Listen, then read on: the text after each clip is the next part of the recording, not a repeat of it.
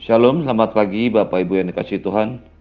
Mari kita kembali merenungkan firman Tuhan pagi hari ini diambil dari Lukas pasal 13 ayat 18 sampai dengan 21.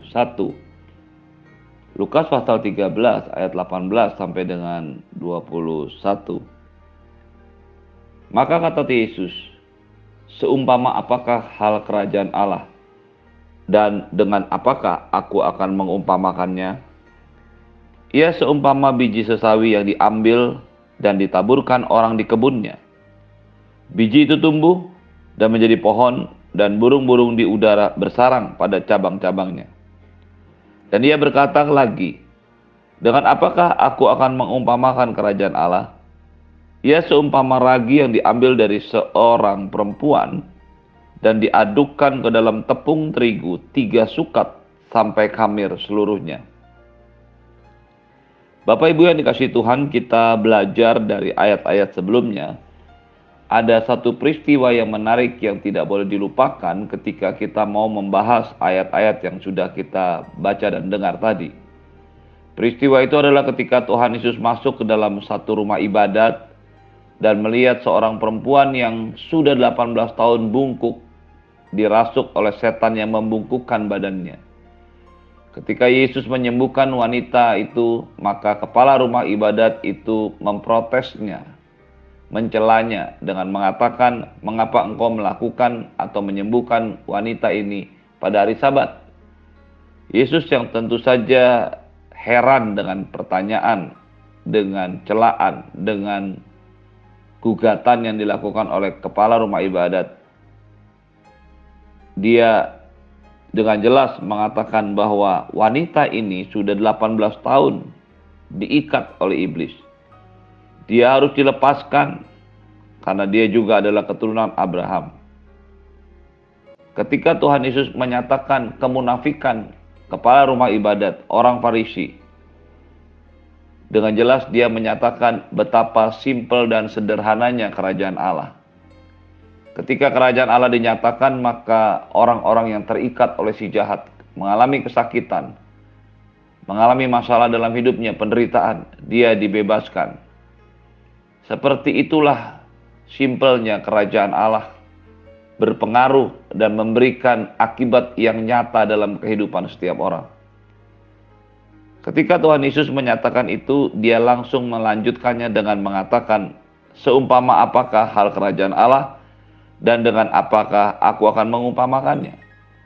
Dia ingin melanjutkan apa yang menjadi penjelasannya tentang bagaimana ia harus menyembuhkan wanita yang sudah 18 tahun sakit tadi. Ia seumpama biji sesawi yang diambil dan ditaburkan orang di kebunnya. Biji itu tumbuh menjadi pohon dan burung-burung di udara bersarang pada cabang-cabangnya. Dengan ini Tuhan Yesus ingin menyatakan Sebenarnya prinsip kerajaan Allah adalah seperti biji sesawi yang walaupun kecil ketika dia ditaburkan ke dalam tanah di dalam kebun maka dia akan tumbuh menjadi pohon dan kemudian burung-burung dapat bersarang di cabang-cabangnya.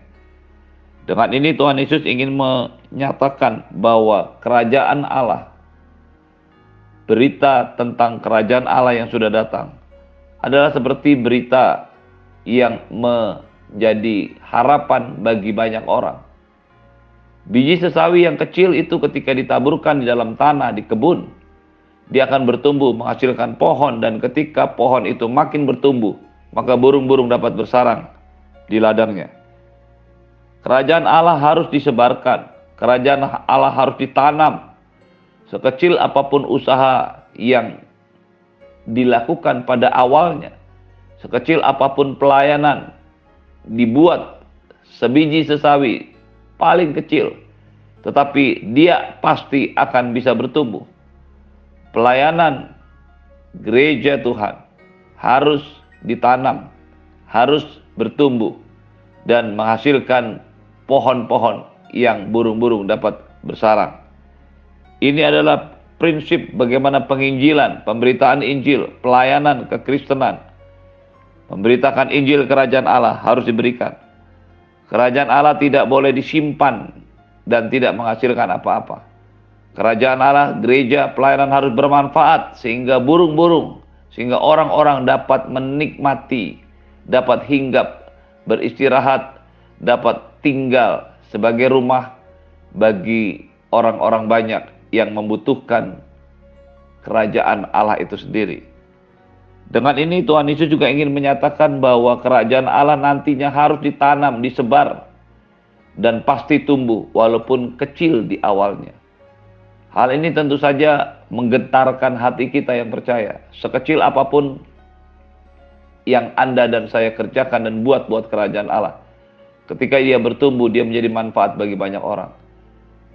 Orang lebih suka berbicara tentang hal-hal yang besar tanpa menyadari bahwa semua hal besar itu berawal dari sesuatu yang sangat kecil. Dengan ini juga Tuhan Yesus menyatakan bahwa di dalam kerajaan adalah adalah sebuah ada sebuah proses pertumbuhan tidak seketika, tetapi nyata dan ada perubahan. Ini menggambarkan bahwa apa pun yang Anda dan saya kerjakan di dalam kerajaan Allah, apa pun yang kita lakukan dalam kerajaan Allah, dia harus mengalami pertumbuhan. Dan ketika waktunya sudah siap menjadi sebuah pohon yang penuh dengan cabang, maka itu akan dirasakan kehadirannya oleh orang lain. Ketika Injil Kerajaan Allah disampaikan, yang di dalamnya juga berita tentang pertobatan dan keselamatan, yang di dalamnya juga ter, terdapat berita tentang kesembuhan dan pemulihan, kelepasan dan pembebasan, maka orang dapat tinggal, dapat beristirahat, dapat menjadikan rumah rohani mereka dalam kerajaan Allah. Hal ini menjadi sebuah gambaran jelas karena dilatar belakangi oleh peristiwa 18 tahun seorang ibu dirasuk setan sehingga bungkuk dan ketika Yesus datang dia langsung menjadi sembuh. Apa yang dilakukan oleh ibu yang sakit 18 tahun dalam keadaan sakit, dia tetap datang beribadah. Dia tetap datang ke rumah ibadah. Dia tetap datang menyembah Allah, menjadi jalan bagi kesembuhan dalam dirinya. Gereja, pelayanan, hidup Anda dan saya harusnya yang berada dalam kerajaan Allah mengalami metamorfosis, perubahan pertumbuhan yang sama seperti yang dialami oleh biji sesawi. Dari sebuah biji sesawi yang kecil ketika ditanam mati dan kemudian tumbuh menjadi sebuah pohon sesawi yang makin lama makin rindang, bertambah banyak cabangnya dan menjadi tempat hinggap bagi para burung yang bersarang di dalamnya. Ketika Anda dan saya menyadari prinsip kerajaan Allah, maka Anda dan juga sadar, kita harus sadar bahwa ketika Anda dan saya diberkati Tuhan dengan berkat keselamatan, dengan berkat jasmani, dengan berkat yang diberikan oleh Allah kepada kita, maka kita juga harus memberikan berkat itu. Sama seperti biji sesawi yang tumbuh menjadi pohon, dia tidak hanya menjadi besar bagi dirinya sendiri, tetapi dia menjadi tempat bagi burung untuk bersarang. Setiap orang percaya yang ada dalam kerajaan Allah harus menjadikan dirinya menjadi tempat di mana orang merasakan kebaikan Tuhan, merasakan pertolongan Tuhan, merasakan pemulihan Tuhan dalam hidup ini. Lalu Tuhan Yesus melanjutkan dengan mengatakan, Ia berkata lagi, dengan apakah aku akan mengumpamakan kerajaan Allah? Ia seumpama ragi yang diambil oleh seorang perempuan dan diadukkan ke dalam tepung terigu tiga sukat sampai kabir seluruhnya. Ragi yang dimasukkan dalam tepung meresap dalam seluruh adonan sampai adonan itu mengembang. Kerajaan Allah yang berikutnya diumpamakan seperti sebuah ragi, seumpama ragi yang diambil dan diadukkan dalam tepung terigu tiga sukat. Menarik untuk kita mengerti berapa atau berapa banyak tiga sukat tepung terigu itu. Literatur mengatakan tiga sukat tepung terigu. Jikalau satu sukat itu sama dengan 13 liter tepung atau 8 kilo tepung maka tiga sukat itu sekitar 40 liter tepung atau kalau di dalam kilo menjadi sekitar 25 kilo adonan tepung. ini bukan kebutuhan dalam sebuah rumah, tapi ini adalah kebutuhan bukan hanya dimakan pada saat itu, tetapi juga disimpan dan menjadi kebutuhan bagi orang yang bertamu, yang datang bertamu ke rumah itu. Ini adalah sebuah ukuran atau jumlah yang sangat besar bagi sebuah keluarga kecil untuk membakar atau membuat roti sebanyak 25 kilo. Menariknya, jumlah tiga sukat tepung terigu inilah yang dibuat, yang diperintahkan oleh Sarah kepada para pembantunya. Ketika tiga orang, maaf, tiga malaikat datang kepadanya ketika dia masih berada di Mamre, kejadian 18 ayat 6. Jadi ketika ragi dimasukkan ke dalam tepung, walaupun ragi itu jumlahnya sangat sedikit, tetapi ketika diaduk dimasukkan ke dalam tepung terigu, maka ragi ini masuk ke setiap unsur atau partikel yang ada dalam tepung. Ragi tidak terlihat, tapi pengaruhnya dapat dilihat semuanya. Dengan ini Tuhan Yesus menyatakan bahwa kerajaan Allah itu adalah seperti ragi yang dimasukkan ke dalam tepung. Sesuatu yang ilahi dan rohani yang kita dapatkan ketika kita mengikut Tuhan. Baik dalam ibadah raya, ibadah sel group, baik dalam pujian penyembahan, dalam doa. Semuanya itu seumpama ragi kecil sebentar tetapi merasuk sampai ke dalam. Setiap perjumpaan kita dengan Tuhan, setiap pembacaan Alkitab kita, perenungan firman Tuhan kita, pelayanan kita mungkin dirasa kecil pengaruhnya, tetapi tetap ada. Ketika perkara-perkara yang rohani itu masuk dalam hidup kita, dia masuk ke dalam bagian yang paling dalam dalam hidup kita. Dia merubah hidup kita dia membawa perubahan dalam hidup kita. Maka tepung itu tidak bisa menjadi tepung lagi. Ketika kerajaan Allah bersentuhan dengan hidup Anda dan saya, maka hidup Anda dan saya tidak boleh sama lagi. Beberapa orang dengan bangga menyatakan dirinya seperti itu dan tidak pernah mau berubah. Tetapi perhatikan firman Tuhan baik-baik pagi hari ini. Kerajaan Allah itu seumpama ragi. Ketika Anda dan saya bertemu dengan kerajaan Allah, kita sama seperti tepung yang bertemu dengan ragi. Ketika tepung dimasukkan oleh ragu, ragi, maka ragi itu akan meresap dan merubah tepung keseluruhannya. Ketika hal-hal yang berhubungan dengan kerajaan Allah, perjumpaan pribadi dengan Tuhan, doa-doa kita, penyembahan kita, pembacaan perenungan firman Tuhan kita, masuk dalam bagian hidup kita, kita harus berubah mengikuti ragi itu. Karakter kita, perkataan kita, pikiran kita, tindakan kita harus ada perubahan.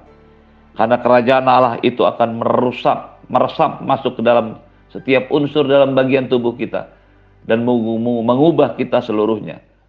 Tidak boleh ada seorang Kristen yang tidak pernah mengalami perubahan dalam hidupnya. Tidak boleh seorang percaya tetap tinggal dalam keadaan ketepungannya.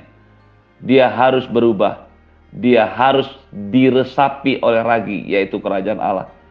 Dengan ini Tuhan Yesus menyatakan sebuah proses pembentukan dalam setiap orang yang ada dalam kerajaan Allah. Dengan ini Tuhan Yesus menyatakan sesuatu yang akan terjadi ketika seorang bertemu dengan Tuhan. Dia harus mengalami perubahan. Dan ragi ini punya kekuatan yang sangat besar walaupun ia sangat sedikit.